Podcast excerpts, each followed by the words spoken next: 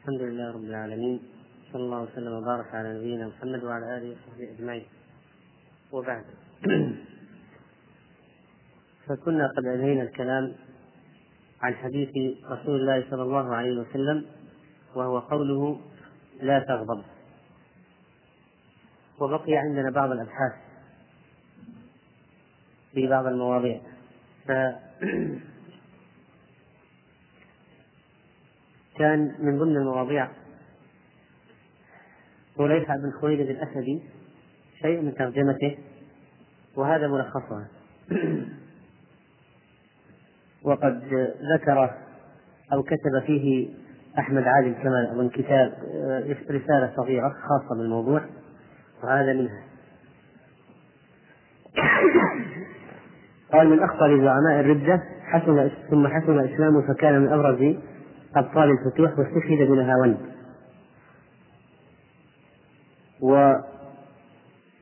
واجتمع من بني أسد في معركة خندق قبل أن يسلم الرجل 3500 شخص بقيادة طليحة. وفي العام التاسع جاءت الوفود تعلن إسلامها ومنهم وفد بني أسد وفيهم طليحة. وبعد فتح مكة ادعى النبي صلى ادعى النبوة الأسود العنسي في اليمن ومسيلمة الكذاب في اليمامة وشجاع التميمية في الجزيرة وبموت النبي عليه الصلاة والسلام وارتد كثير من العرب كان هؤلاء رؤوس المرتدين. وقيل أن طليحة أرسل أخاه إلى النبي صلى الله عليه وسلم يدعو إلى موادعته وأنه صار نبيا مثله وقيل أن النبي صلى الله عليه وسلم وجه إليه بعضهم لكن لم يتم القضاء على فتنته. فلما توفي النبي صلى الله عليه وسلم ازداد أمر طليحه وفتنة طليحه فأرسل له أبو بكر جيشا بقيادة خالد بن الوليد والتقى خالد بمن معه في أربع بأربعة آلاف مقاتل في معركة بزاخة وطريحة وكان معه خمسة آلاف مقاتل. فاشتد الوطيس ودارت الدائرة على طليحة وأتباعه وكان طليحة متلففا في كساء. وله بيت شعر يتنبأ به. فكان يدخل عليه بعض أتباعه فيقول له جاءك جبريل؟ فقال لا والله. ثم دخل عليه مرة ثانية فقال جاء جبريل؟ قال لا والله. ثم الثالثة قال نعم. فقال ماذا قال لك؟ قال لي إن لك رحا كرحاه وحديثا لا تنساه. ثم صاح هذا الرجل عرف عيينة الداخل على الداخل على طليحة عرف أنه كذاب. فقال للقوم هذا انطلقوا هذا كذاب فانهزم جمعه في المعركة التي مع خالد وكان قد أعد فرسه وهيأ بعيرا لامرأته فوثب على فرسه وركب وأركب امرأته وقال من استطاع منكم أن يفعل يعني مثل هذا الفعل فليفعل وفر إلى الشام. ولم يزل هناك في بني كلب في الشام حتى توفي أبو بكر رضي الله عنه. وعندما علم بإسلام أسد وغطفان وعامر انقطع أمله في أن يعيد تنظيم أتباعه. فرأى أنه لا بد أن يتوب إلى الله سبحانه وتعالى. فخرج معتمرا فخرج معتمرا وأتى إلى المدينة مر بجانب المدينة. وأسلم بعد ذلك وحسنت إسلامه وظهرت توبته. و خرج مجاهدا إلى العراق مع سعد بن أبي وقاص. وقد أبلى في المعارك رضي الله عنه بلاء حسنا. فكان سعد إذا أرسل الطلعات الاستكشافية كان من الناس الذين انتدبهم في هذه المهمات طليحة كان يرسله بمفرده. و أبى إلا أن يدخل معسكر المجوس ويراهم عن كثب. فدخل لوحده وأتى المسلمين بالأخبار. وقد ظهرت له في هذه المعركة بطولات واضحة. حتى أن بعضهم لحقه من الفرس ولكنه استطاع أن يروغ منه ويقتله. وكذلك فإنه كان من أصحاب النجدات وأهل الفضل الذين يقومون بتحميس الجند. واشترك في يوم أرماس الذي كان فيه الهرمزان وجالينوس مع ثلاثة عشر من الفيلة مع عساكرها فقام طليحة يخطب بالمسلمين وحمسهم على مواجهة الفرس. وكان يشارك أيضا برأيه كان يشارك برأيه وكانت آراؤه صائبة. ثم اشترك في معركة نهاوند التي جمع فيها الفرس 150 ألفا من الجنود يتحصنوا في المدينة. فكان طليحة من طلاع الاستكشاف. وكان لجرأته يقول عمر لسعد يقول سل طليحة وعمرا وعمرا ولا تولهم شيئا. يعني استشيرهم لكن لا تولهم شيئا لأنهم أصحاب جرأة. فقد يعني جرأتهم تذهب حماسهم يذهب ببعض المسلمين. و استطاع المسلمون أن يقتحموا المدينة وكان من ضمن الناس الذين نفعت خطتهم في اقتحام المدينة هو طليحة ثم استشهد رضي الله عنه في معركة نهاوند. استشهد في معركة نهاوند. هذه قصة طليحة طبعا طليحة هو من النفر القلائل جدا الذين ارتدوا ثم أسلموا وحسن أسلامهم. ولا بقي كثير من المرتدين إما أنهم ماتوا على الكفر. وأقصد يعني المرتدين الذين هم رؤوس في الردة رؤوس في الردة. ولذلك قال ابن حجر رحمه الله في تاريخ الصحابي من لقي النبي صلى الله عليه وسلم مؤمنا به ومات على الإسلام وإن تخللته ردة على الأصح. يعني هو يعتبر صحابي ما دام أنه لقي النبي صلى الله عليه وسلم وأسلم ومات على الإسلام يعتبر صحابي وإن حصل في حياته إن تخللت حياته ردة. وإن تخللت حياته حياته ردة. طيب البحث الثاني إيش المسألة؟ طيب هات البحث. أي طيب.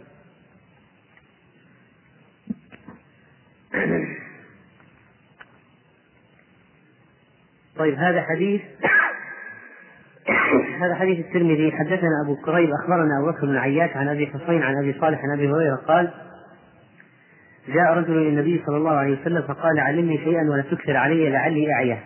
قال لا تغضب. فردد ذلك مرارا كل ذلك يقول لا تغضب.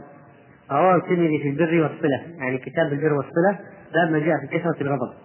وقال حديث حسن صحيح غريب من هذا الوجه. وقال شارح كتاب الترمذي وهو ابن العربي. لأن له عدة شراح الترمذي. قال صحيح.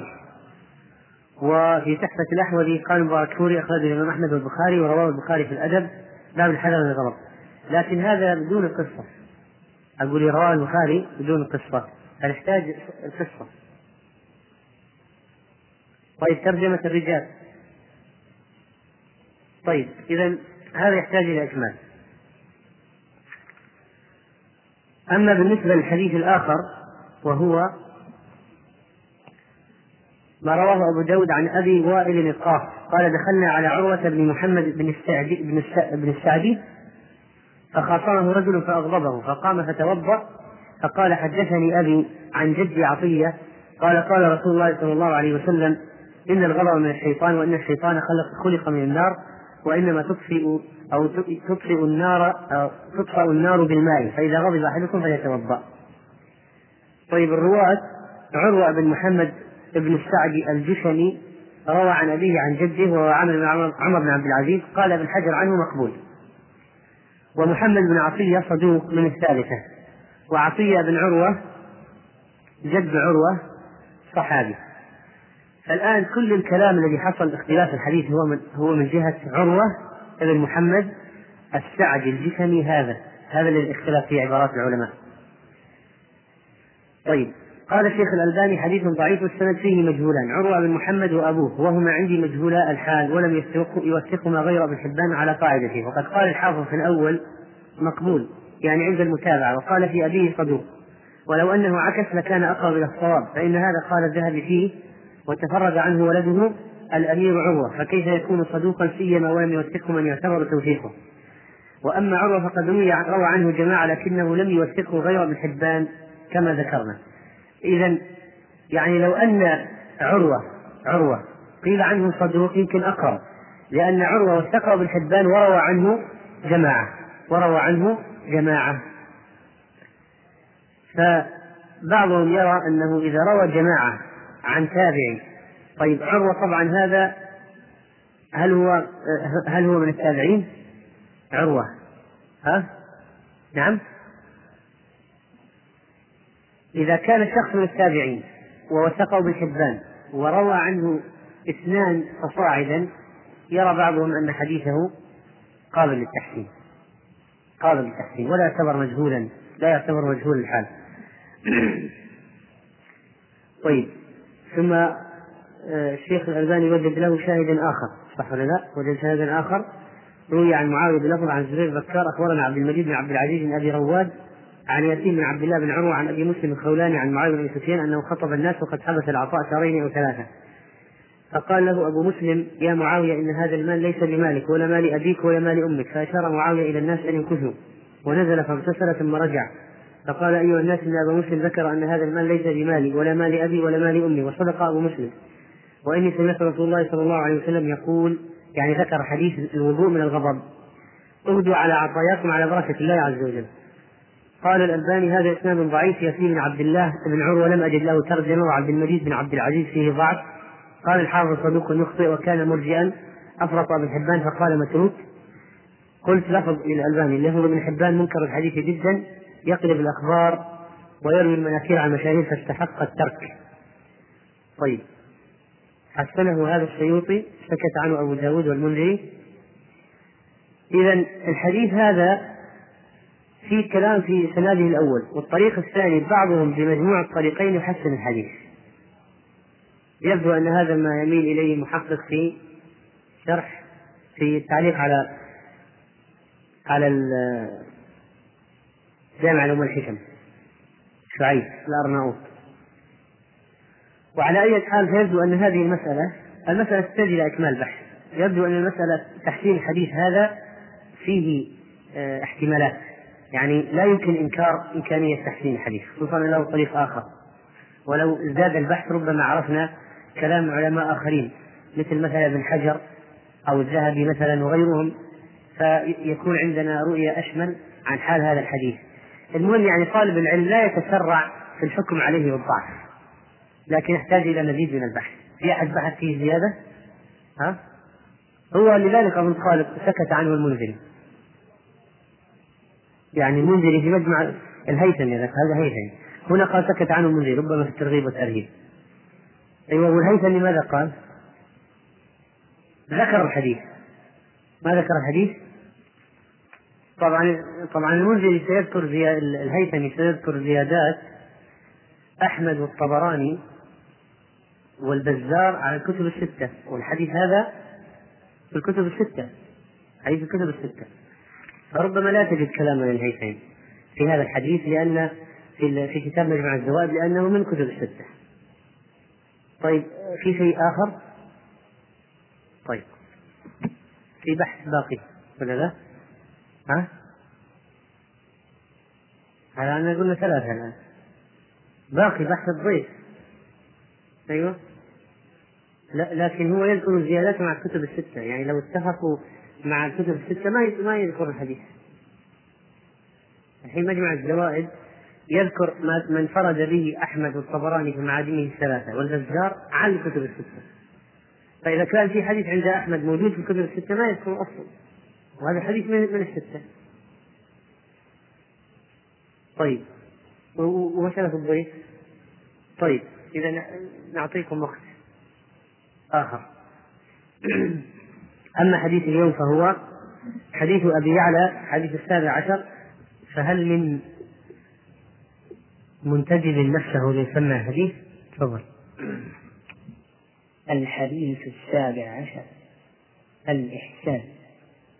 عن أبي يعلى شداد بن أوس رضي الله عنه عن رسول الله صلى الله عليه وسلم قال إن الله كتب الإحسان على كل شيء فإذا قتلتم فأحسنوا القتلة وإذا ذبحتم فأحسنوا الذبح وليحب أحدكم شفرته وليرح ذبيحته. رواه مسلم.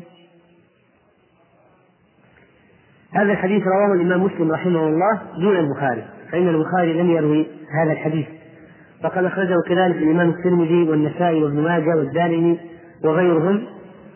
والحديث هذا له رواية أخرى مثل ما جاء عند الطبراني إذا حكمتم فاعدلوا وإذا قتلتم فأحسنوا فإن الله محسن يحب المحسنين. طيب. قوله صلى الله عليه وسلم إن الله كتب الإحسان على كل شيء.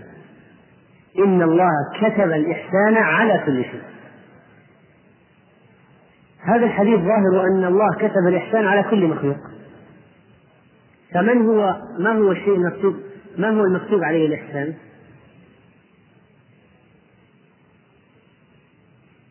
كل مخلوق أو كل شيء. لكن المقصود الفاعل. يعني يعني الشخص المطلوب منه الإحسان. الشخص الذي يقوم بالفعل كتب الله عليه الإحسان. إن الله كتب الإحسان على كل شيء أو على كل أحد. يعني كل واحد مكتوب عليه مفروض عليه أن يحسن. إذا قام بأي عمل مكتوب عليه أن يحسن. فالفرض على من؟ على القائم بالعمل. الفرض على القائم بالعمل. هذا معنى. المعنى الثاني أن الله كتب الإحسان على كل شيء قالوا على بمعنى فيه. يعني على كل شيء يعني في كل شيء. في كل شيء.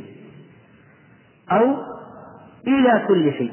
قالوا في بمعنى إلى. إن الله كتب الإحسان إلى كل شيء. إلى كل أحد. أو في كل شيء.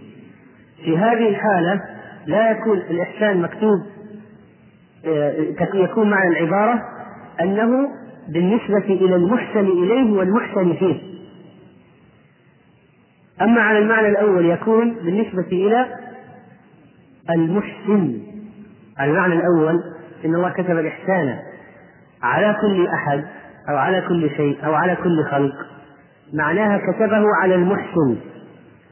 على المعنى الثاني إذا قلنا على بمعنى في أو إلى معناها إلى المحسن إليه أو في المحسن فيه. كتب الإحسان في المحسن إليه أو فيه. الأولى على المحسن أو على الشخص الذي يقوم بالعمل. أما لفظ كتب فإنه يعني عند غالب أهل الأصول الفرضية. يعني الله سبحانه وتعالى مثلا إن الصلاة كانت على المؤمنين كتابا موقوتا كتابا يعني مفروضة لا مناص من فعلها واجبة. وكذلك قول الله عز وجل كتب عليكم الصيام. كتب عليكم الصيام يعني فرض وكذلك كتب عليكم القتال. طيب هذا بالنسبة للكتابة تأتي في ألفاظ الشارع وتفيد الوجوب عند أكثر العلماء أنها تفيد الوجوب الكتابة كتابتان كتابة شرعية وكتابة كونية قدرية. فإذا قلنا إن الله كتب عليك يا أيها المسلم الصلاة هذه كتابة شرعية ولا كتابة قدرية كونية؟ شرعية. كتب عليك أن تقوم بها لكن أنت قد تعصي وقد لا قد تمتثل وقد لا تمتثل. صح ولا لا؟ طيب. فهو ليس أمرا محتوم في الفعل لكن أمر محتوم من جهة التشريع. هذه الكتابة الشرعية كتب القتال كتب الإحسان كتب الصلاة كتب الجهاد كتب الصيام. في كتابة كونية قدرية. أنا ما أقول مثلا هذا كتب عليه أن أبو جهل كتب عليه أن يموت على الكفر. هذه كتابة كونية قدرية متعلقة بالقضاء والقدر. الشيء المكتوب في اللوح المحفوظ أنه سيحدث. كتب كل ما هو كائن إلى يوم القيامة. كل ما هو كائن يعني في الواقع أنه سيحدث ولا بد. فهذه الكتابة الكونية القدرية. مثال في القرآن كتب الله لأغلبن أنا ورسلي كتب يعني قدر وقضى ولقد كتبنا في الزبور من بعد الذكر أن الأرض يرثها عبادي الصالحون هذا إذا كتابة إيش هذه؟ كونية قدرية قدرية لا بد أن تحدث طيب ما رأيكم في حديث أمرت بالسواك حتى خشيت أن يكتب علي شرعية أم كونية قدرية؟ ها؟ شرعية. طيب ما رأيكم في حديث كتب على ابن آدم حظه من الزنا فهو مدرك ذلك لا محالة؟ قدرية. كتب عليه. طيب فهو مدرك ذلك لا محالة. سيقع في أشياء. فزنا العينين النظر إلى ما حرم الله زنا الأذن الاستماع ما حرم الله وهكذا. ثم يتوب المسلم أو يكفر بحسنات ماحية أو بشفاعة المؤمنين إلى آخر الكلام. طيب إن الله كتب الإحسان على كل شيء. إذا جئنا مثلا إلى الإحسان إلى الوالدين. كتب الله الإحسان فرضه وأوجبه والأرحام. الإحسان هذا منه ما هو واجب ومنه ما هو مستحب. منه ما هو واجب ومنه ما هو مستحب. فإذا قلت الإحسان في الخطاب والنفقة. ونحو ذلك بمعنى الأشياء الواجبة أن تقوم بها فهذا إحسان واجب. أما المبالغة مثلا في الشيء فإنها ليست واجبة. المبالغة فيها ليست واجبة وإنما مستحبة. طيب إن الله كتب عليك الإحسان إلى الفقراء. ما هو الواجب؟ الزكاة. الزكاة. وما هو الإحسان المستحب؟ صدقات أخرى. على قول من يقول أن طبعا إن في المال حقا سوى الزكاة أن فيها صدقات لكنها ليست معينة أو محددة بحد. طيب. فإذا في قدر من الإحسان واجب وفي قدر من الإحسان مستحب. الإحسان إلى الناس أو الأشياء بالواجبات هو واجب. أما الإحسان إليهم بالمستحبات فهو مستحب. كذلك المنهيات والمحرمات. ما هو الإحسان فيها؟ في شأن المحرمات ما هو الإحسان فيها؟ تركها واجتنابها. هذا واجب. ذروا ظاهر الإثم وباطنه. هذا القدر واجب. طيب. ما هو الإحسان في الأقدار, القضاء والقدر؟ الأقدار أقدار الله عليك. ما هو الإحسان فيها؟ الصبر عن إيش؟ عن المحرمات. مثلا لا نقول إلا ما يرضي الرب ما في نياحة ولا شق جيوب ولا حلق شعر ولا لطم خدود ولا دعوة بدعوة الجاهلية مثل وات بوراه وويلاه وسنداه وجبلاه طيب. لو أن الإنسان ما حكم البكاء؟ جائز جائز. طيب. ما حكم أن يشكو المريض حاله؟ ما هو على سبيل التسخط لكن يقول إني مثلا والله إني موجوع من كذا وعندي حرارة كذا وأعاني مثلا من كذا ما حكمه؟ جائز. طيب الصبر عن هذا مستحب. يعني الصبر عنه وكتمه كتم الشكوى مستحب. فالإحسان هنا هذا مستحب وليس بواجب. لكن لو كان في تسخط على القضاء والقدر أو مساءلة والعياذ بالله مساءلة لله في قدره هذا الإحسان فيها تركها ولا بد يجب. هذا إحسان واجب. طيب الإحسان في قتل الإحسان مثلا في قبل قبل ندخل في القتل والذبح الإحسان في معاملة الخلق في منه ما هو واجب. مثل إيش؟ رد السلام. ولا طيب غيره؟ إذا استنصحك فانصحه. على قول بوجوب النصيحة. طيب غيره؟ هل هو واجب؟ هل هو إحسان واجب؟ كف الأذى هذا واجب. تشميت العاطف فحق على كل مسلم سمعه أن يقول له يرحمك الله. طيب في إحسان إلى الخلق مستحب؟ ها؟ مثل؟ الزيارة. الزيارة في الله. نعم. تبسمك في وجهه. هذا من الإحسان المستحب. إذا في إحسان واجب إحسان مستحب. إحسان الوالي إلى الرعية. منه ما هو واجب. مثل إعطاء حقوقهم المالية. من بيت المال أو الفيء وغيرها. طيب. وفي منه ما هو مستحب. مثل إيش؟ أن يعش بنفسه مثلا. ممكن يوكل الناس يعشون ويتفقدون الأخبار صح ولا لا؟ يثق بهم. لكن لو عش بنفسه بنفسه هذا مستحب. يتفقد أمورهم بنفسه. وهكذا. طيب بالنسبة للقتل والذبح ينقسم إلى طبعا قتل الناس وقتل الدواب. إن الله كتب الإحسان على كل شيء. فإذا قتلتم فأحسنوا القتلة وإذا ذبحتم فأحسنوا الذبحة وليحد أحدكم شفرته وليوحد ذبيحته فذكر القتل والذبح. هذا الآن هذا الآن بيان لكل الإحسان أم مجرد مثل للإحسان؟ هذا يبين أن الإحسان كله محصور في القتل والذبح أم أنه مثل؟ مثل لكن مثل مبين واضح واضح هذا المثل في قضية القتل والذبح فما هو الإحسان في القتل والذبح؟ أن يزهق روح المقتول أو المذبوح على أيسر طريقة وأسهلها ويريحه أشد إراحة من أشد إراحة ممكنة ولا يؤلمه بأي شيء لا حاجة إليه. في إيلام يحتاج ألم الذبح هذا ألم. هذا إيش؟ ألم هذا. لكن في آلام لا يحتاج إليها. لا يحتاج إليها. آلام لا يحتاج إليها. فلا تفعل. فالرسول عليه الصلاة والسلام هنا ذكر مثلا وكذلك للحاجة لأن القتل والذبح عند العرب كثير يعني. قتل حتى في الجهاد القتل كثير.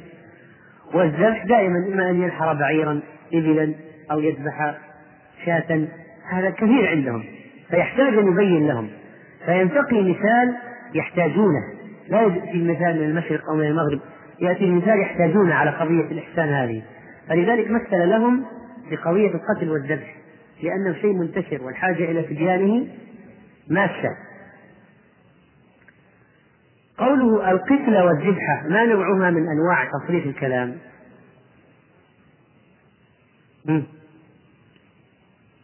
اسم هيئة. اسم هيئة. مثلا ما أقول جلسة القرفصاء جلسة المتربع جلسة المتخشع.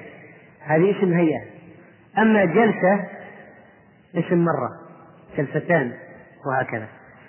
ذبحة وقتلة اسم هيئة. يعني كيف الهيئة التي تذبح عليها والهيئة التي تقتل بها. والإحسان إلى الذبيحة قال بعض أهل العلم إنه مجمع عليه. أما بالنسبة للقتل في قتل الآدميين فإن أسهل وجوه قتل الآدمي ضربه بالسيف على العنق. ضربه بالسيف على العنق. قال الله عز وجل فإذا لقيتم الذين كفروا فضرب الرقاب. ضرب الرقاب. سألقي في قلوب الذين كفروا الرعب فاضربوا فوق الأعناق. سبحان الله يعني فوق العنق حتى عين لهم المكان الذي يضربون فيه. فلذلك قال أهل العلم إن أسهل مكان للقتل إذا أردت أن تقتل شخصا أنك تقتله في الرقبة تضرب على الرقبة فوق العظام فوق العظام وتحت النخاع. فوق العظام وتحت الدماغ وتحت الدماغ. يعني بين العظام اللي في آخر الرقبة فوق وبين الدماغ الدماغ. بينهما هذا أسهل مكان يضرب فيه الإنسان فيريحه في القتل. فيريحه في القتل. ولذلك قيل أن دريد بن الصمة هذا. طبعا كافر كان في غزوة حنين آه، يعني خرجوا به معهم مع أنه كان كبير في لكن كان صاحب رأي. صاحب رأي. يشير عليه بآراء. هذا يقتل. أو مثله يقتل. لا يعتبر من كبار السن الذين يتجنبون في القتل. هذا يقتل لأنه مجرب وصاحب رأي. يشير عليهم. افعلوا كذا وافعلوا كذا. طبعا هذا يسبب نكاية المسلمين وزيادة الضرر عليهم فهذا حكم القتل. فقتل في المعركة أو بعدها قتل فقيل أنه أوصى قاتله أن يضربه في هذا الموضع لعلمه أنه أريح مكان يعني في القتل. وإذا جئت إلى القتل في الشريعة فإنك ترى أن لها شروطا في القتل من باب إقامة الإحسان في القتل. فمثلا عدم التمثيل تحريم التمثيل بالقتلى تحريم التمثيل بالقتل في القتلى فكان النبي صلى الله عليه وسلم إذا بعث سرية تغزو في سبيل الله قال لهم لا تمثلوا ولا تقتلوا وليدا. إلى آخره. ولا امرأة ولا فلا تمثلوا لا تمثل في الجثة لا تمثل به. وكذلك جاء في حديث سمرة أن النبي صلى الله عليه وسلم كان ينهى عن المثلة عند الإمام أحمد في البخاري عن عبد الله بن يزيد عن النبي صلى الله عليه وسلم أنه نهى عن المثلة فما هي المثلة؟ المثلة أن آه، تعذيب المقتول مثل قتل قطع أعضائه. يعني قبل القتل مثلا يقطع قطع أطراف وقطع الأرجل قطع الأصابع وقطع الأنف وقطع الأذن مثلا.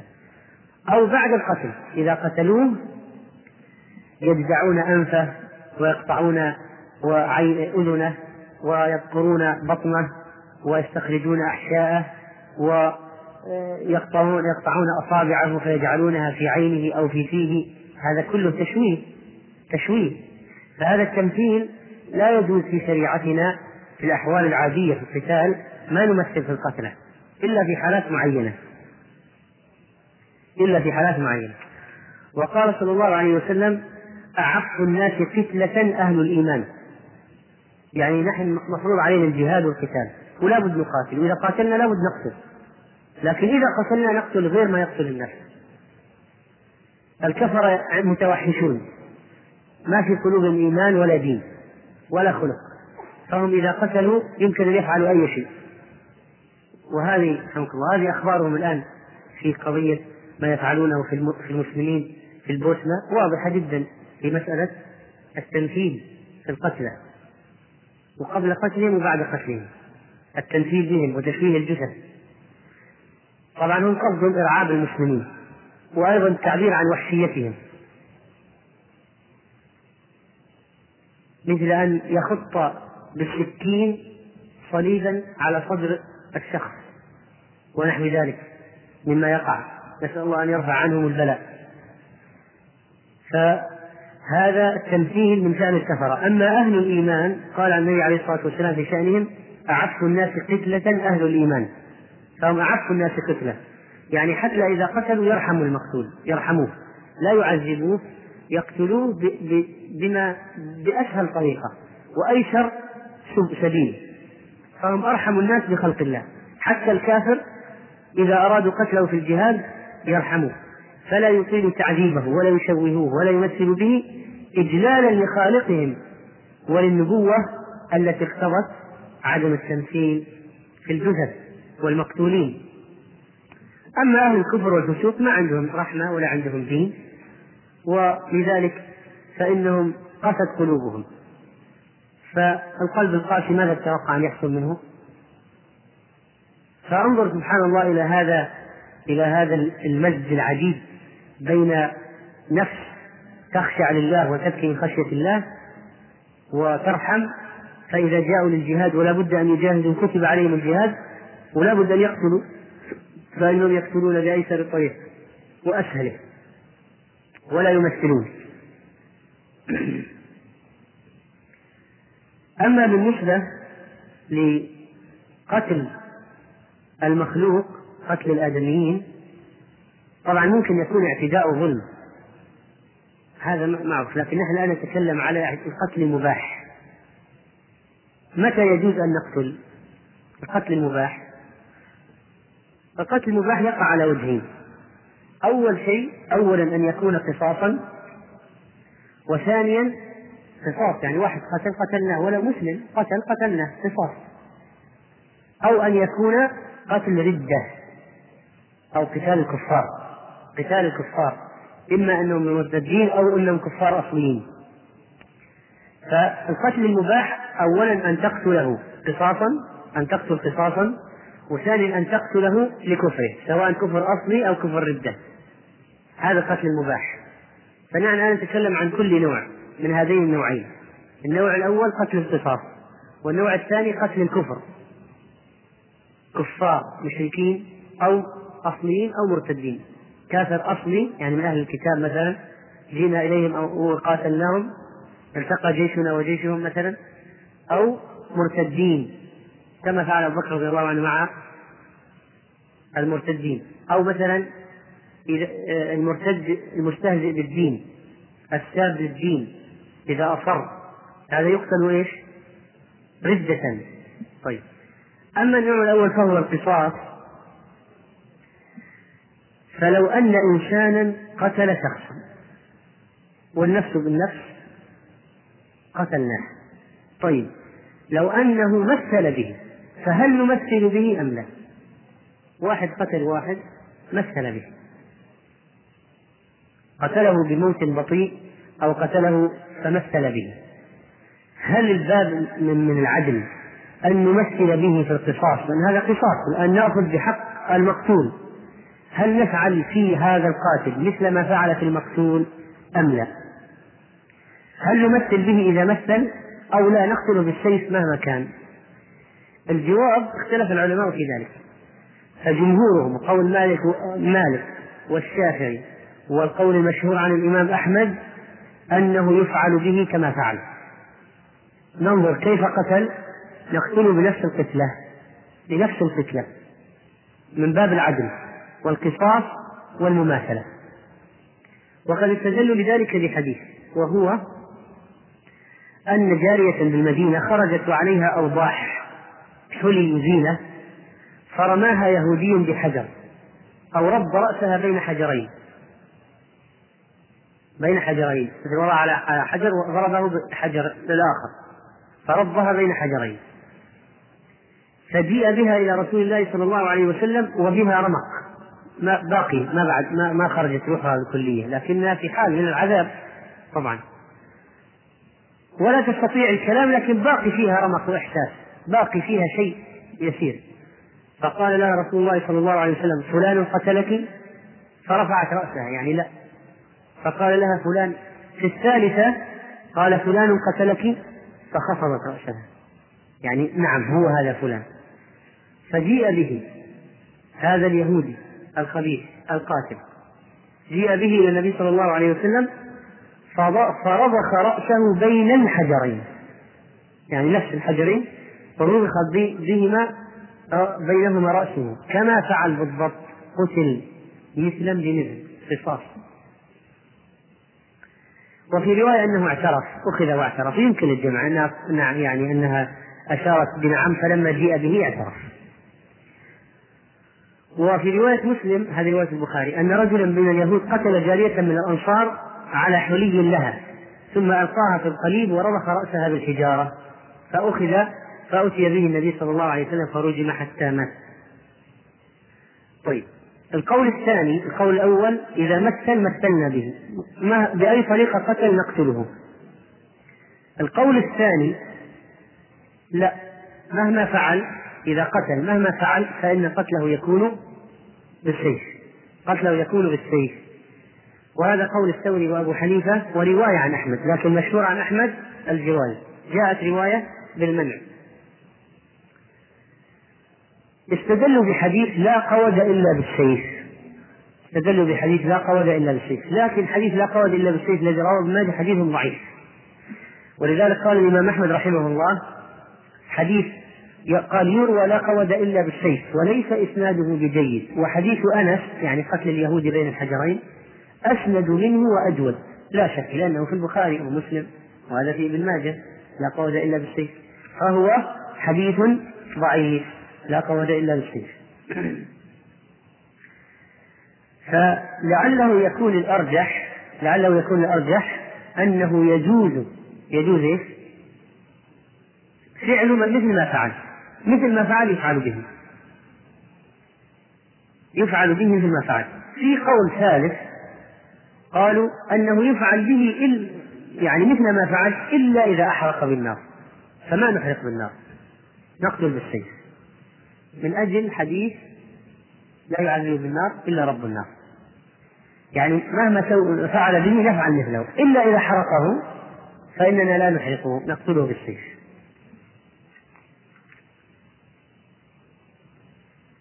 طيب.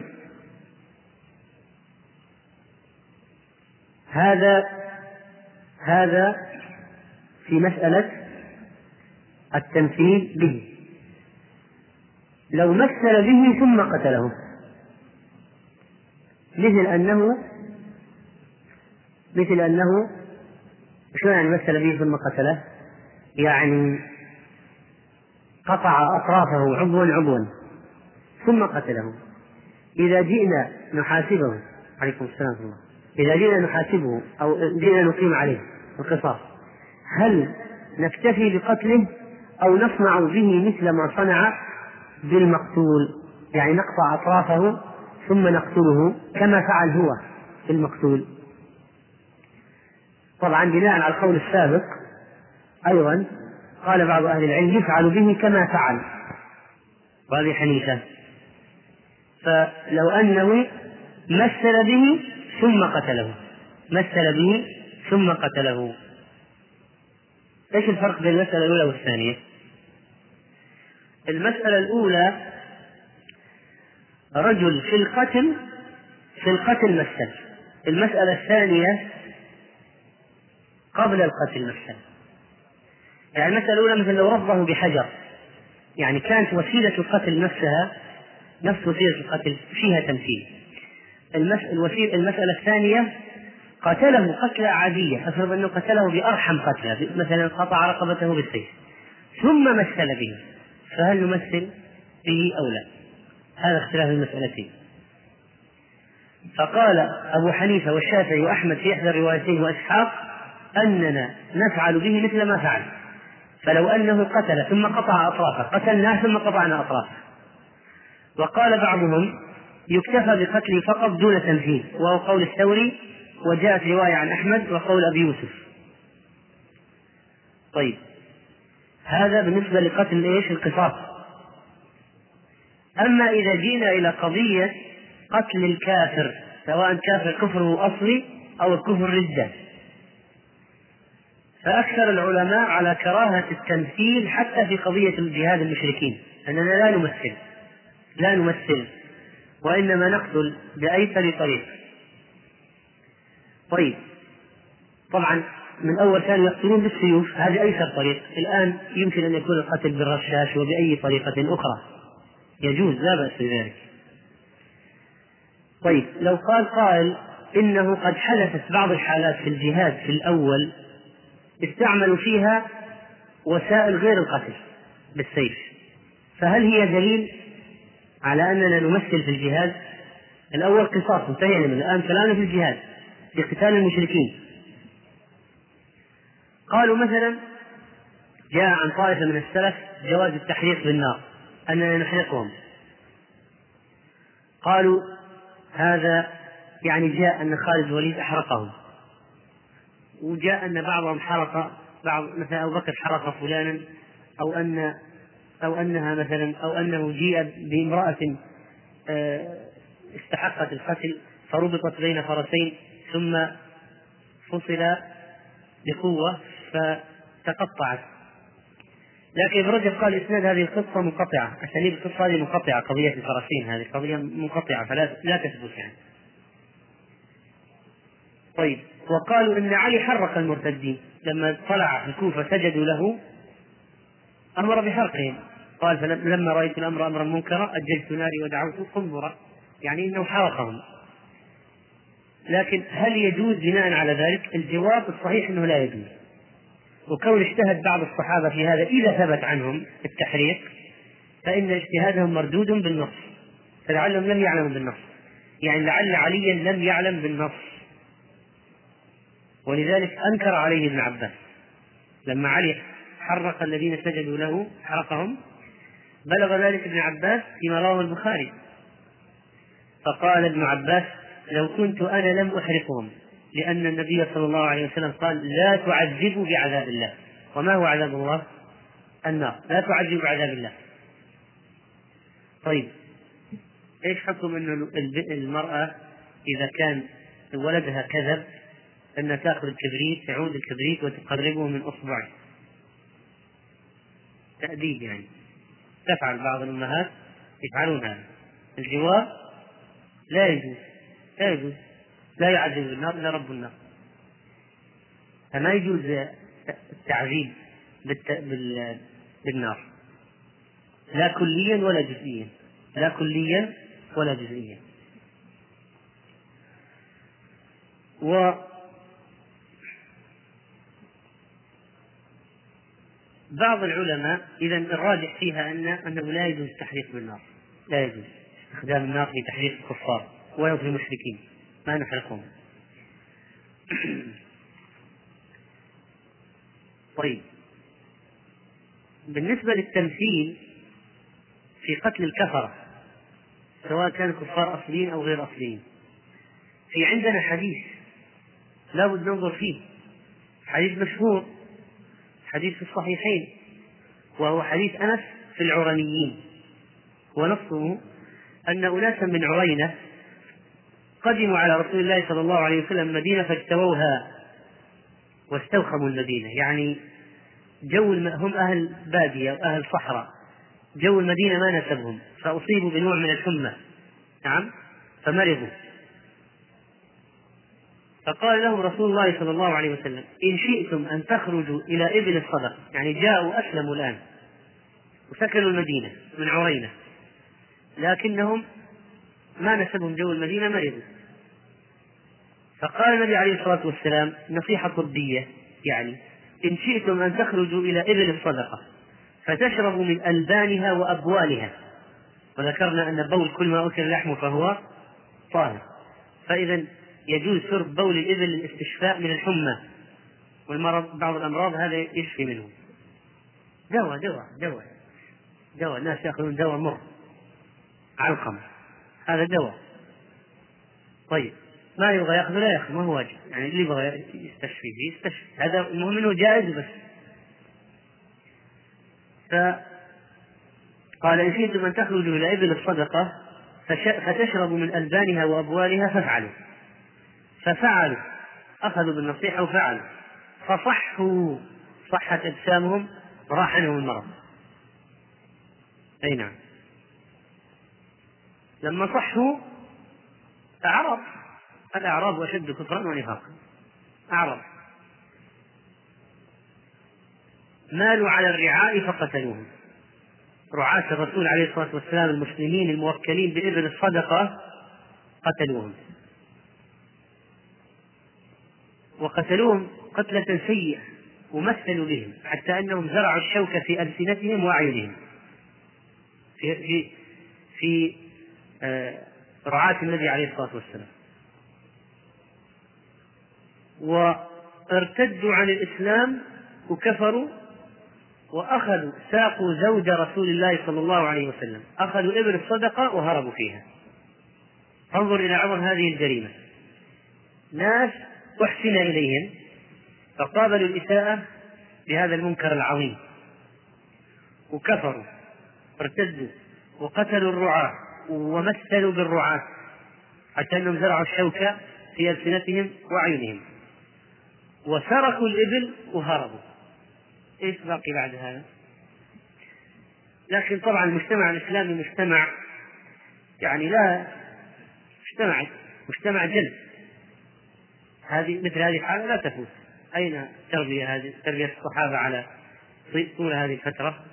سماء جاء الخبر فبلغ ذلك النبي صلى الله عليه وسلم فبعث في أثرهم فأتي بهم بلغ بلغ الخبر أول النهار أنه ترى حصل كذا وكذا. بعث البعث. ما تعالى النهار إلا وجيء بهم مصفدين أتوا بهم الصحابة رضوان الله عليهم.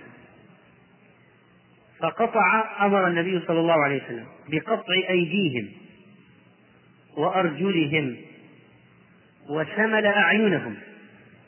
أتي بالمسامير المحماة فكحلهم بها كحل أعينهم بها وتركهم في الحرة الصخور السوداء عند المدينة في شدة الحر طرحوا عليها مقطعة أيديهم وأرجلهم وسمرت أعينهم أو سملت أعينهم وألقوا في الحرة. يستسقون فلا يسقون حتى ماتوا. قطع أيديهم وأرجلهم من خلاف وصلبهم في رواية. وألقوا في الحرة بعدما سملت أعينهم. وفقئت وكحلت بالمسامير المحماة بالنار. وألقوا في الحرة يستسقون فلا يسقون حتى هلكوا. هذا تمثيل ولا لا؟ تمثيل. مع ناس مرتدين. كفار. ما وجهه؟ الآن ما وجهه؟ الآن هذا النقاش. مثل ثبت التمثيل الآن. فكيف نفهم الحديث؟ كيف نوجهه؟ وقد نهى النبي صلى الله عليه وسلم عن المثلة في الحديث السابقة حديث البخاري وأحمد وغيرهما أنه نهى عن المثلة فكيف نفهم الآن الحديث؟ اختلف اختلف العلماء في في في توجيه الحديث. ومن فمنهم من قال من العلماء أنه من فعل مثل جريمة هؤلاء بالضبط يعني ارتد وحارب وأخذ المال يصنع به مثل ما صنع بهؤلاء ولا حرج. هذا واحد. قول. قول ثاني قالوا كل من غلظت جريمته جاز التنفيذ به. وإنما نخصص النهي عن المثلى بالقصاص. أما في قتل الكفار ما ما يشملها. هذا قول ابن عقيل رحمه الله. هذا من الحنابلة من أئمة الحنابلة. طيب. منهم من قال إن حديث العرنيين منسوخ بحديث نهى عن المثلى منهم من قال إن هذا الفعل بالعرانيين كان قبل نزول آية الحرابة. إنما جزاء الذين يحاربون الله ورسوله ويسعون في الأرض فسادا يقتلوا أو يصلبوا أو تقطع أيديهم. لكن ظاهرها أنه طبق فيهم حد الحرابة. ولذلك قال بعض العلماء ما فعله بهم هو نفسه هو نفسه إيش؟ هو نفسه الحرابة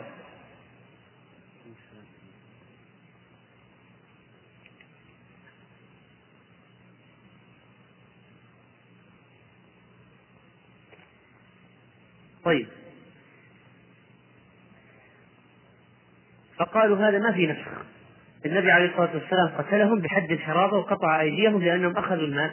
والذي يأخذ المال ويقتل فإنه يقتل ويصلب ويقطع لأخذ المال والقتل. تقطع يده ورجله من خلاف اليد اليسرى مثلا مع رجل اليمنى والعكس أو العكس ويصلب لأنه جمع بين جنايتين القتل والسرقة القتل والسرقة.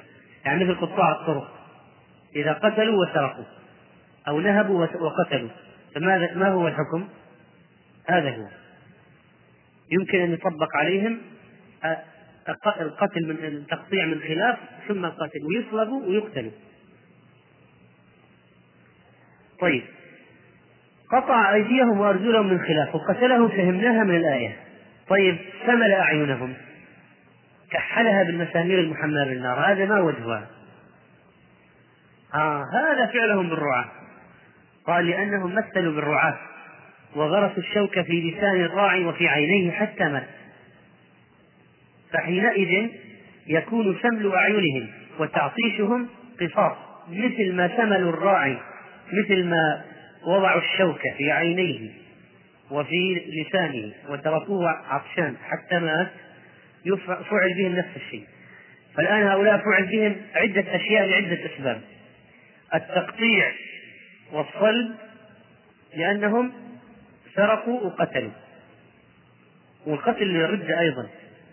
وسمل الأعين قصاص مثل ما قتلوا الراعي بنفس الطريقة فيها تمثيل مثل بهم عليه الصلاة والسلام. لكن غلظ عليهم العقوبة لأنهم لعظم جريمتهم. عظم جريمتهم. ولذلك بعض العلماء قال يؤخذ من الحديث أن الإنسان إذا كان عليه جناية ثم قتل فإن الجناية تستوفى منه قبل قتله. افرض واحد مثلا اعتدى على واحد فقطع له يدا أو كسر له سنا أو فقأ له عينا ثم قتل. فنأتي به ونطبق الجناية أولا. فنقطع عينه إن كان قطع عينا أو نقطع يده إن كان قطع يدا أو إصبعه إن كان قطع إصبعا أو نكسر سنه إن كان كسر سنا. ثم نقتله. نستوفي الجناية قبل حد القتل. و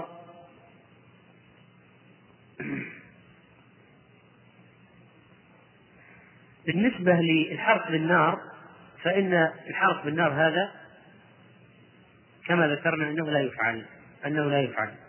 وذكرنا أو الدليل على ذلك ما صح عن النبي صلى الله عليه وسلم أنه في صحيح البخاري عن أبي هريرة قال بعثنا رسول الله صلى الله عليه وسلم في بعث. فقال إن وجدتم فلانا وفلانا رجلين من قريش فأحرقوهما بالنار. ثم قال رسول الله صلى الله عليه وسلم حين أردنا الخروج إني كنت أمرتكم أن تحرقوا فلانا وفلانا بالنار. وإن النار لا يعذب بها إلا الله.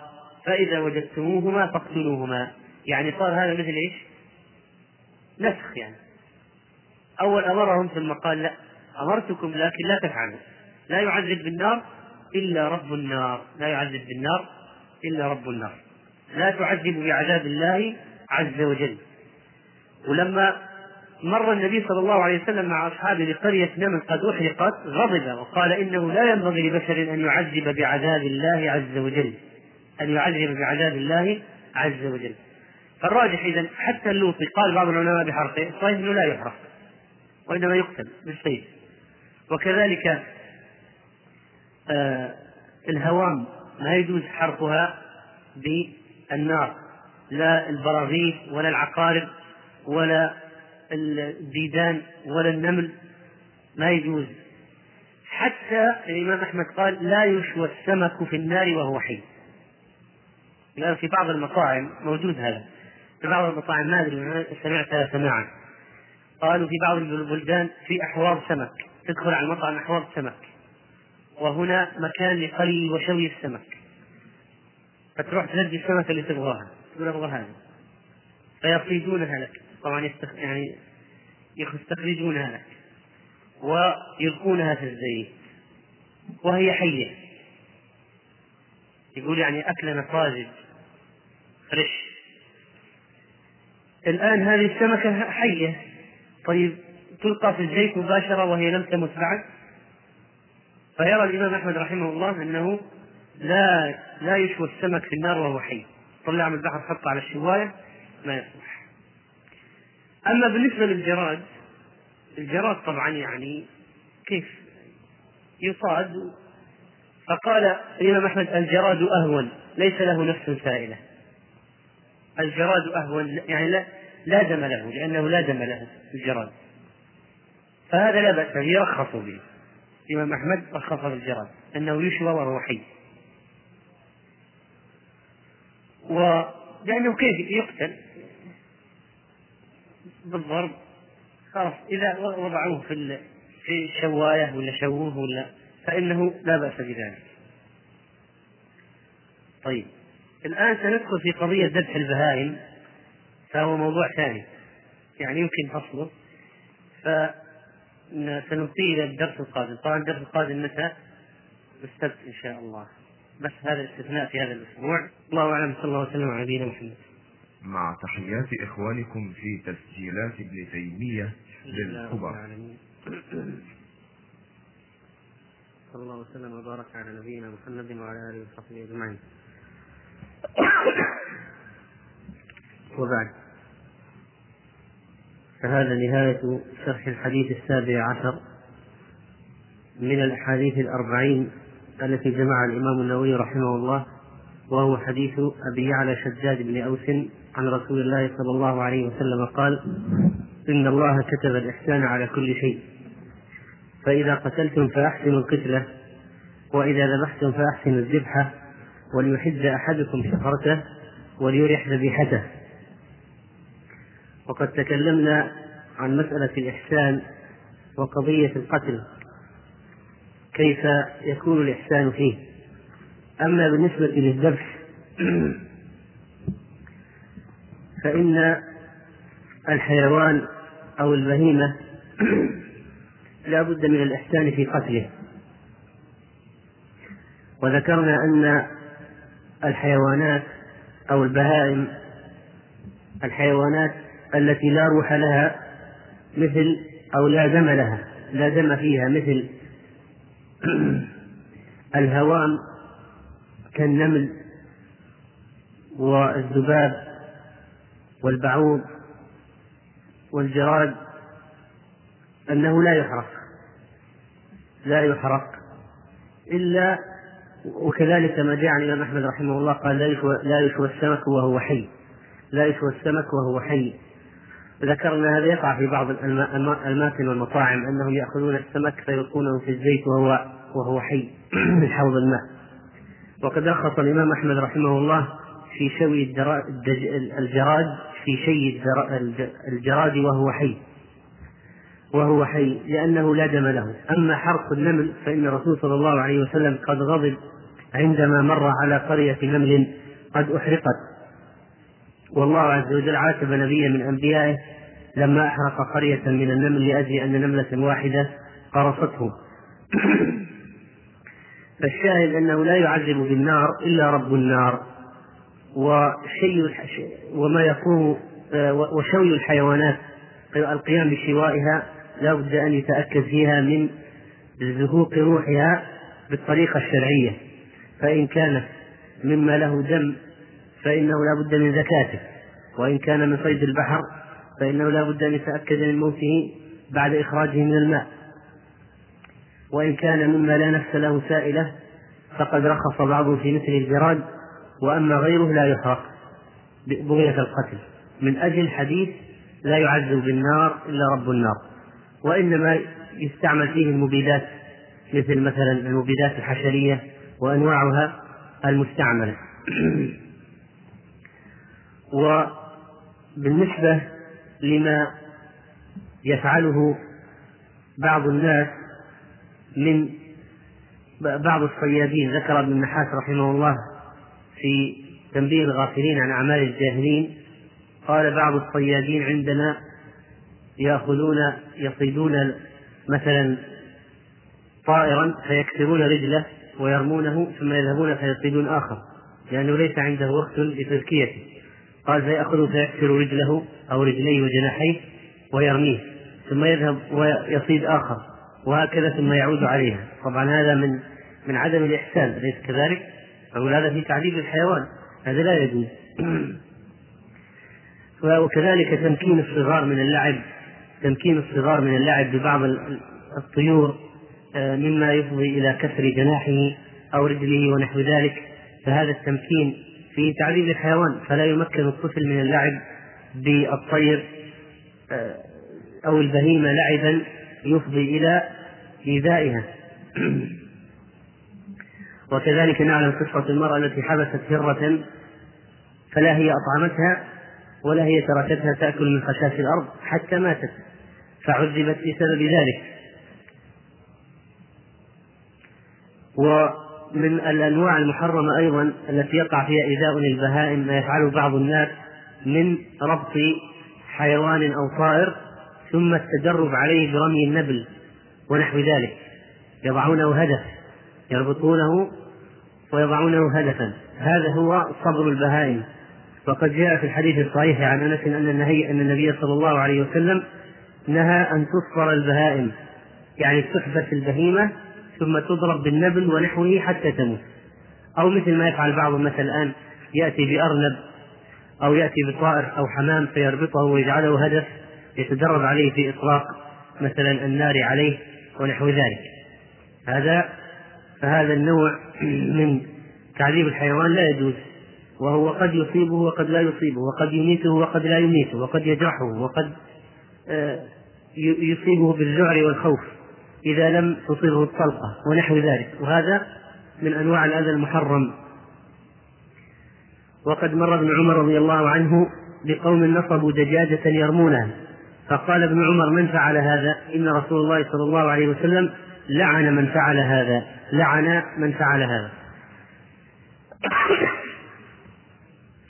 وأخرج الإمام مسلم رحمه الله أيضا من حديث ابن عباس عن النبي صلى الله عليه وسلم أنه نهى أن يتخذ شيء, شيء فيه الروح غرضا يعني هدف للسهام تصوب إليه السهام. وجاء أيضا في مسند الإمام أحمد بإسناد قوي عن أبي هريرة أن النبي صلى الله عليه وسلم نهى عن الرمية. وهي أن ترمى الدابة ثم توكل ولكن تذبح ثم ليرموا إن شاءوا فلا بد من ذبحها أولا. ومن أجل الإحسان إلى في الذبحة وإذا ذبحتم فأحسنوا الذبحة كما ورد في الحديث فإن الشارع قد أمر بأن تحد الشفرة وتراح الذبيحة فتجعل الآلة ماضية حادة ويعجل بزهوق نفس الحيوان أن يزهق تزهق نفسه بسرعة. ومما ورد في هذا المعنى ما جاء من حديث عكرمة عن ابن عباس قال مر رسول الله صلى الله عليه وسلم برجل واضع رجله على صفحة شاة وهو يحد شفرته وهي تلحظ إليه ببصرها. واضع رجله على صفحة شاة وهو يحد الشفرة وهذه الشاة تنظر إليه. فكيف يكون حالها؟ فقال صلى الله عليه وسلم للرجل أفلا قبل هذا؟ يعني أفلا حدثت الشفرة قبل أن ترجعها وتجعلها تنظر إليك؟ أفلا حدثتها قبل هذا؟ تريد أن تميتها موتات لأن الحيوان يتعذب. وقد جاء عن الإمام أحمد رحمه الله قال تقاد إلى الذبح قودا رقيقا أو رفيقا تقاد إلى الذبح قودا رفيقا وتوارى السكين عنها. يجب أن يكون تكون السكين مغمدة. السكين مغمدة. ومخفية. ومخفية. ولا تظهر السكين أو تظهر السكين إلا عند الذبح. قال الإمام أحمد رحمه الله أمر رسول الله صلى الله عليه وسلم أن توارى الشفار. توارى يعني تخبأ وقال ما أبهمت عليه البهائم أقول ما أبهمت عليه البهائم يقول الإمام أحمد ما أبهمت عليه البهائم فلم تبهم أنها تعرف ربها. يعني صحيح البهائم بهيمة ما تفهم إلا لكنها لا يخفى عليها معرفة ربها. وكذلك وتعرف أنها تموت. فالبهائم إذا رأت السكين تفهم هي بهيمة لكن تفهم ماذا يراد بها. تفهم ماذا يراد بها. فقال ما أبهمت عليه البهائم؟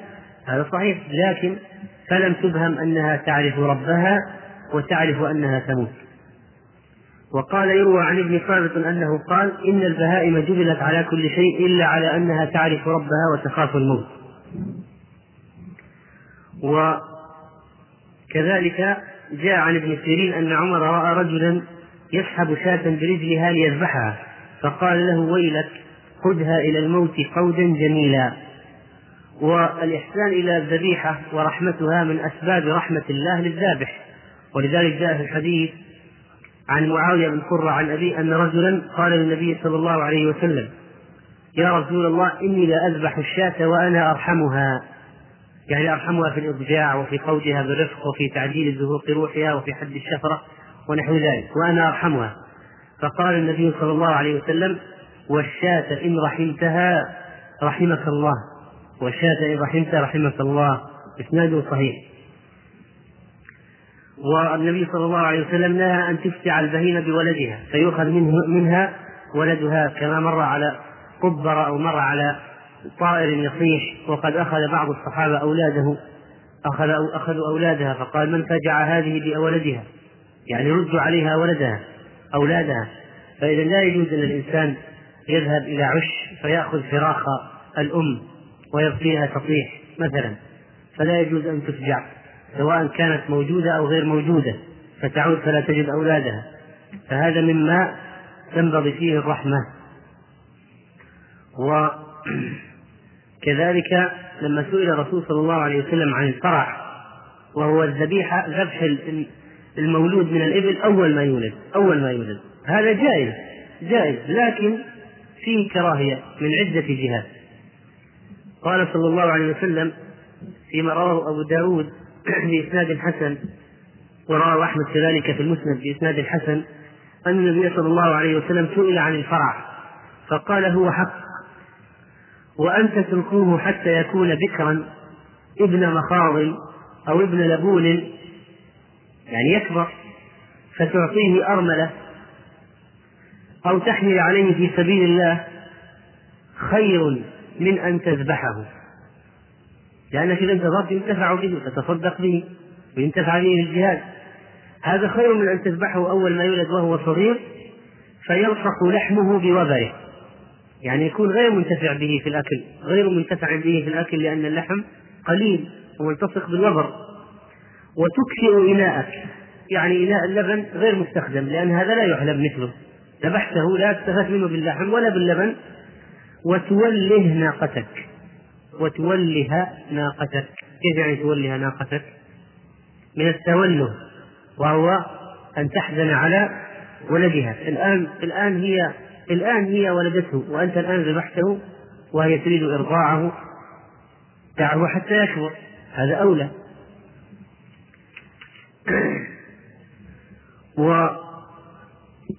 وبالنسبة للزكاة أو الذبح فقد ذكر أهل العلم هذا المبحث في كتب الفقه واعتنوا به اعتناء بالغا. ولذلك جاءت عباراتهم وجاء كلامهم والأحكام التي ذكروها مكملة لبعضها البعض مفيدة ما أراد الشارع من قضية الإحسان إلى الذبيحة. ولذلك مما ذكروه في هذا المعنى في مسألة الذبح. الذبح أو الزكاة أحكام الزكاة أو الذبح. التزكية التزكية ما هي؟ ذبح الحيوان أو نحره. ذبح ما يذبح ونحر ما ينحر ونحر ما ينحر. فبالنسبة للذبح بالنسبة للذبح هو ذبح الحيوان فيما بين لحييه ولبته. أما اللبة فهي الثغرة هذه التي هنا الثغرة هذه بين الترقوتين. هذه عظمي الترقوة هذه عظمي الترقوة والثغرة هذه بينهما تسمى اللبة اللبة. وما بين وما بين اللحيين. هذا ما بين اللحيين. هذه المنطقة هي مكان هي مكان الذبح هي مكان الذبح للبهيمة. بهائم الأنعام بهيمة الأنعام. وأما بالنسبة للنحر فإن نحر الإبل أقول الذبح يكون يعني في الشاة الماعز الغنم. والنحر يكون لي الإبل. فالذبح للشاة وما شابهها البقر الظباء الأرنب الدجاج وغيرها. وأما بالنسبة للنحر وهو الطعن في اللبة الطعن في لبته هذا هو النحر ويكون للإبل تقيد تقيد آه، يسراها تربط يسراها وتكون واقفة فينحرها في لبتها فتقع. فإذا وجبت جنوبها يعني طاحت وماتت فكلوا منها. فهذه طريقة نحر الإبل أنها تكون قائمة وتعقد يسراها فتضرب في آه، لبتها فينفر الدم فتقع. فتزهق روحها فتؤكل بعد ذلك. فإذا وجبت جنوبها طاحت وماتت وزهقت روحها فكلوا منها.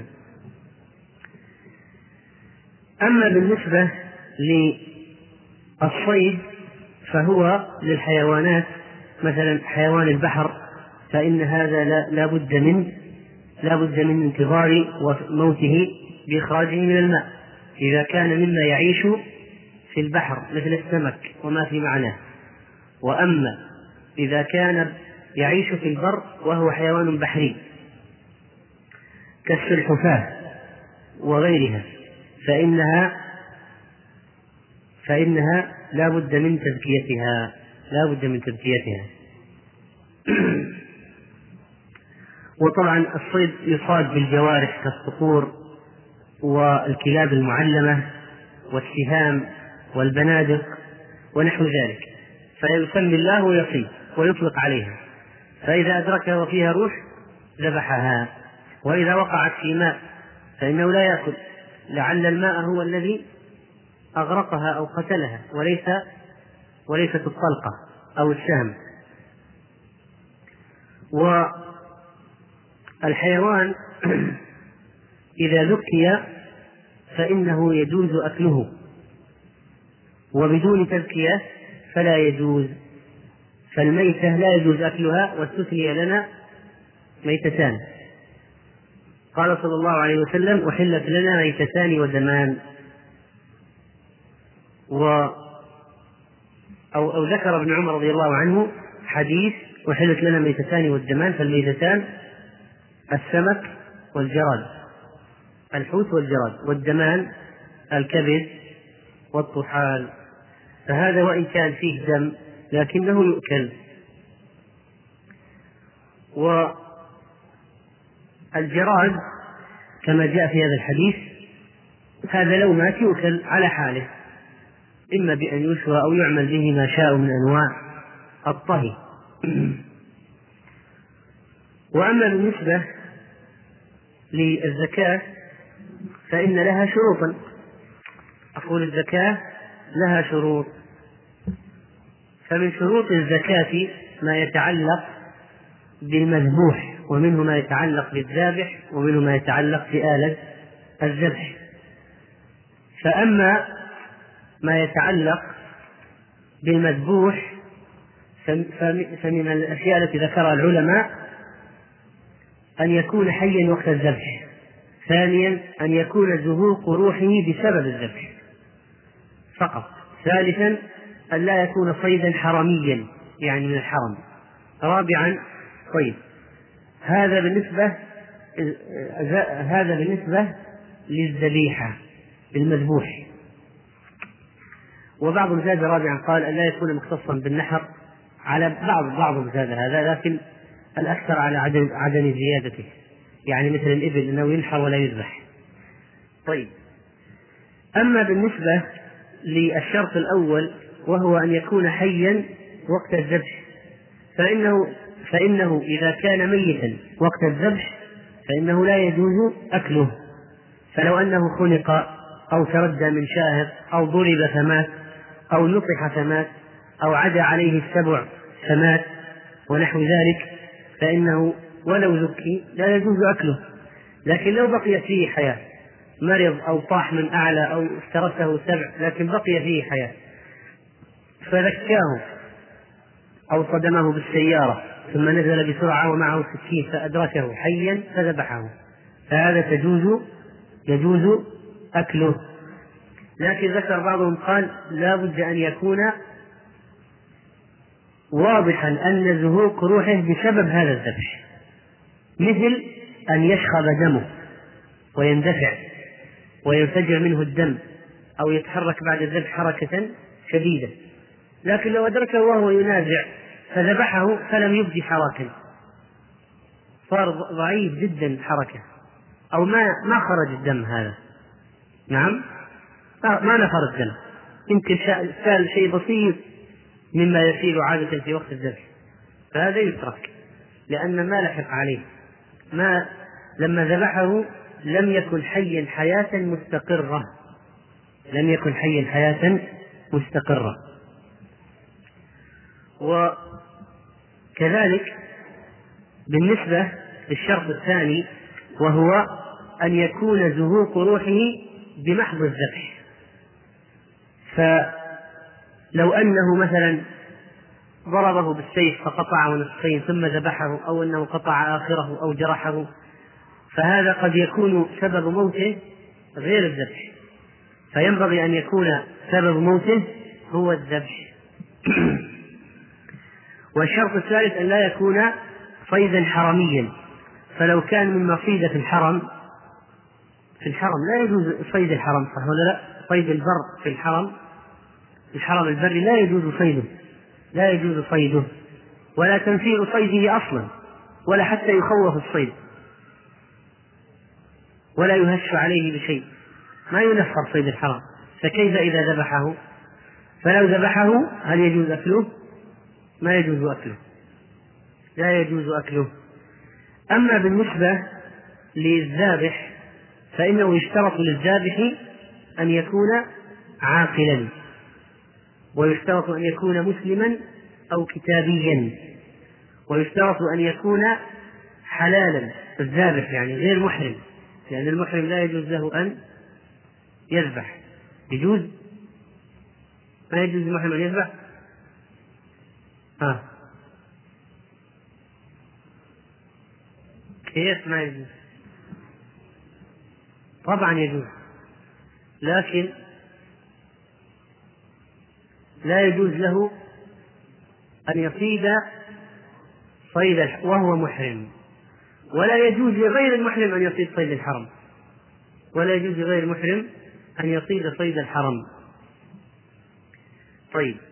فإذا كان فإذا كان الرجل محرما وصاد من الحرم فإنه لا يجوز له ذلك ولا يجوز له ذبحه بطبيعة الحال.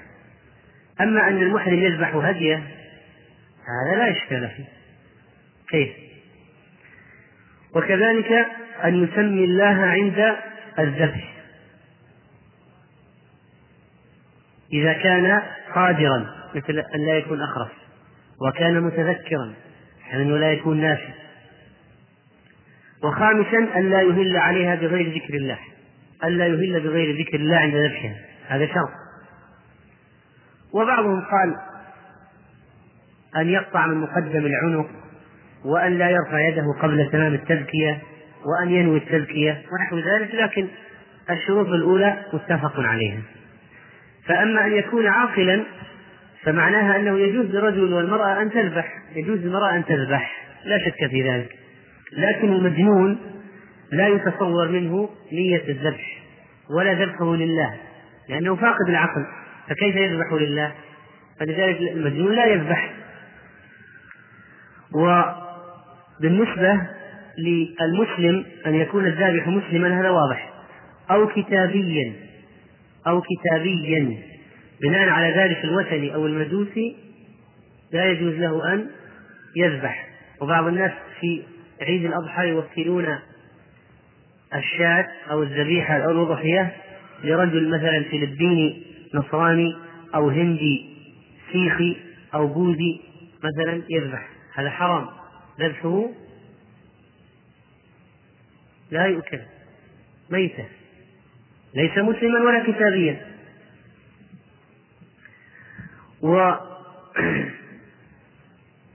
وكذلك فإن هذا الذابح إذا كان مسلم لا بد يذكر اسم الله. إذا نسي فليس عليه شيء.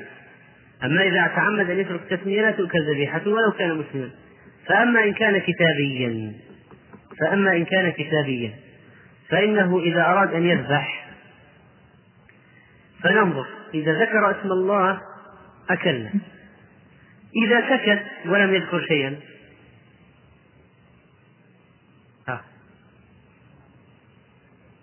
أكلنا. أكلنا. لأن ما اشترطت الشريعة للكتاب أن يذكر اسم الله على الذبيحة. أخبرنا أن طعام أهل الكتاب حل لنا. لكن لو علمنا أنه ذكر اسم غير الله مثل قال باسم عيسى أو باسم بوذا أو باسم أي شيء من الأشياء التي عندهم مثلا النصارى باسم الأب والابن وروح القدس أو باسم الابن أو باسم عيسى أو نحو ذلك. فهذا إذا ذبح لا تؤكل ذبيحته لأنه أهل به لغير الله أهل به لغير الله. فإذا سمى الله في الكتاب أو سكت أكلنا أكلنا. إذا ذكر اسم غير الله لا نأكل. طيب لو قال بسم الله وذكر أشياء وغير الله قارن بين الله وغيره في التسمية. نأكل؟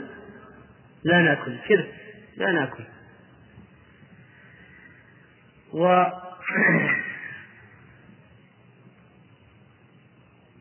كذلك أنه من الشروط أن يكون الذي يسمي متذكرا وقادرا على التسمية. فلو كان غير قادر كالأخرس فإنه يأتي بأي إشارة تدل على أنه سمى مثل أن يشير إلى السماء ثم يسمي. فنعرف أنه ذكر الله في نفسه لأنه غير قادر على النطق به. وكذلك الناسي فإنه تجوز ذبيحته. تجوز ذبيحته لأنه لم يتعمد. طيب أما بالنسبة للتسمية فيقول بسم الله أو يكبر بسم الله والله أكبر بسم الله والله أكبر. وإذا اكتفى بسم الله فلا بأس بذلك لا بأس ولا يكون غيرها مقامها. يعني لو قال بعضهم قال لو قال مثلا لا حول ولا قوة إلا بالله وذبح أو إن الله وإنا إليه راجعون وذبح. ها؟ أو سبحان الله وذبح لا بد أن يسمي. بسم الله. لا يقوم غيرها مقامها. ما يقوم غير هذه العبارة؟ مقامها. وكذلك طيب. بالنسبة لوقت التسمية يكون عند حركة الذابح. فإن تقدم قوله بقليل بيسير جدا فلا بأس بذلك. وكذلك من شروط نأتي الآن إلى شروط آلة الذبح. فيشترط لآلة الذبح شرطان. أن تكون قاطعة آلة الذبح قاطعة حادة وأن لا تكون سنا ولا ظفرا أما السن فعظم وأما الظهر فمدى الحبشة. فأن تكون قاطعة بعد ذلك ما يفرق المادة المصنوعة منها إيش؟ غير السن والظفر. ما يفرق فلو كانت من حديد أو زجاج أو صدف قاطع صدف قاطع فإنه يجوز الذبح بها ولا يشترط أن تكون حديدا. وقد جاء في الحديث الصحيح يا رسول الله إن لاقوا العدو غدا وليس معنا مجلم ما معنى سككي؟ قال صلى الله عليه وسلم أعجل أو أرني ما أنهر الدم وذكر اسم الله فكل. ليس السن والظفر وسأحدثه. أما السن فعظم وأما الظهر فمدى الحبشة. هذه يستخدموها الذبح بالظفر الحبشة يستخدمونها وهذا مستقذر مكروه فلا يذبح به لا يجوز الذبح به. وبالنسبة ثم أن السن والظفر قد يكون القتل بسبب ضغطه عليه وليس بسبب إنهار الدم.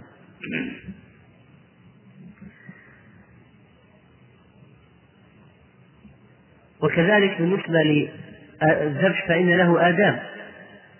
فمن الآداب أن يكون السكين حادا ماضيا. وكذلك أن يسرع ما يبطئ في الحركة وإنما يسرع في الذبح إسراعا بحيث يريح الحيوان.